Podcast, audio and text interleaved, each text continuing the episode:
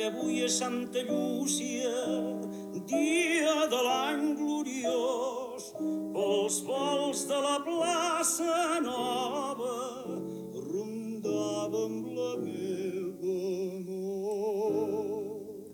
Que Santa Llúcia de Siracusa els conservi la vista literària.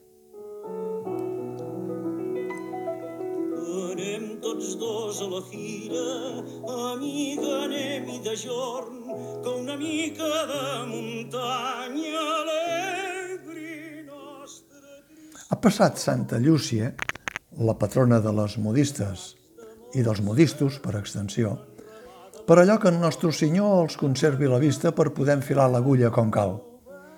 I també ha passat l'anomenada nit de les lletres catalanes, amb un format televisiu que no té res a veure amb el que havia estat anys enrere, quan faltaven taules per reunir els fidels associats d'Òmnium Cultural una nit a l'any en un sopar, ni que fos a costa de penjar els abrics de pell, de pell de Sibèria de debò, al guardarroba del poliesportiu de la ciutat escollida per a l'esdeveniment. Però no és d'això del que voldria cafetar. Deixem al marge el lamentable guió de la gala de la nit de les lletres catalanes celebrada a l'escenari del Teatre Nacional de Catalunya. Un guió desafortunat i en l'estil de Chitty Park per exigència de la presumpta servitud televisiva. Cal abaixar el llistó no fos cas que els espectadors de TV3 es pensessin que els estan oferint un programa cultural. Li va tocar fer de mestre de cerimònies un bon actor com Roger Coma. Sí, el de la telenovela com si fos ahir, i el que es va passar algunes nits buscant hereus de fortunes intestades. Roger Coma va haver d'estar també al servei de les mateixes exigències de broma rància de fa més de 50 anys, marcades pel guió. I ell no en té cap culpa, per descomptat. La culpa del registre escollit la tenen els organitzadors dels quals només cal esperar que en una pròxima edició no se'ls acudeixi contractar el veterà pallasso Fofito perquè els cridi allò de «Com estan ustedes?» i els congregats responguin parlant de literatura catalana «Mal!» Però ja he dit que no era d'això que volia cafetar, sinó de la guanyadora del Premi Sant Jordi, la periodista de TV3 i escriptora de dues novel·les anteriors, Gemma Ruiz, que, puny alçat, que Tremoli Federica Montseny, va reivindicar el paper de les escriptores, tot denunciant que en gairebé 20 anys, des del 2003, després de l'escriptora Carme Riera, cap altra dona havia guanyat el Premi Sant Jordi. És una denúncia necessària, però que demana matisos.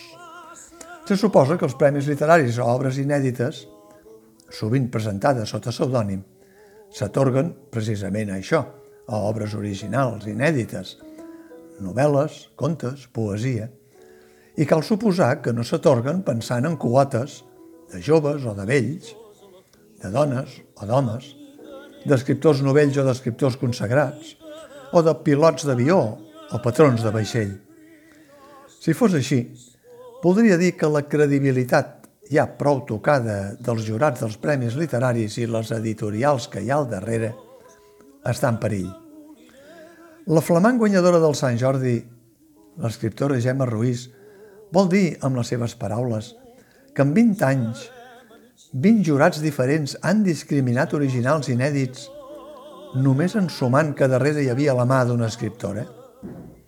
Alguna cosa no va bé, certament, si en un moment que la literatura catalana té, sobretot, cara i nom de dona, per la llarga nòmina actual d'escriptores prou valorades, a l'hora dels premis, aquesta evidència creadora no es veu compensada.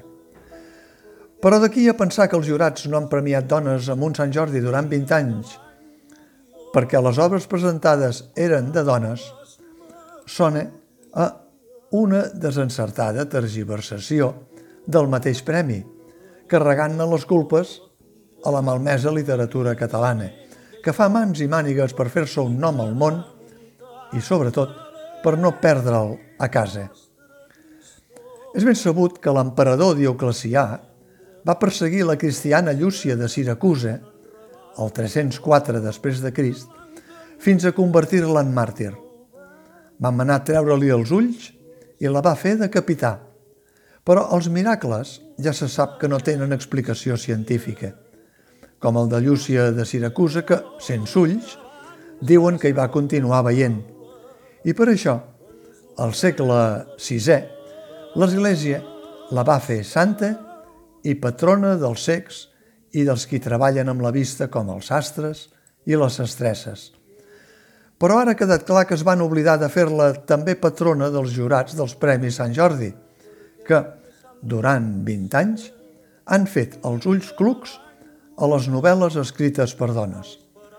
Fins que una escriptora i periodista, com Gemma Ruiz, els ha demostrat que parlar, com fa ella en la seva novel·la guanyadora de Les nostres mares, és tota una declaració d'intencions, ni que el jurat hagi detectat que darrere hi havia la mà d'una dona escriptora.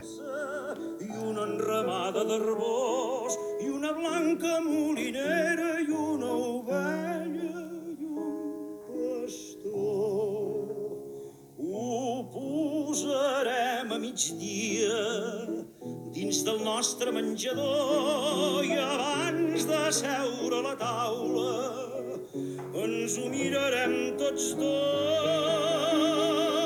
com una mica de muntanya ens faci el menjar. Perquè avui és Santa Llúcia, dia de l'any gloriós, tals paraules m'acudien. Quan he vist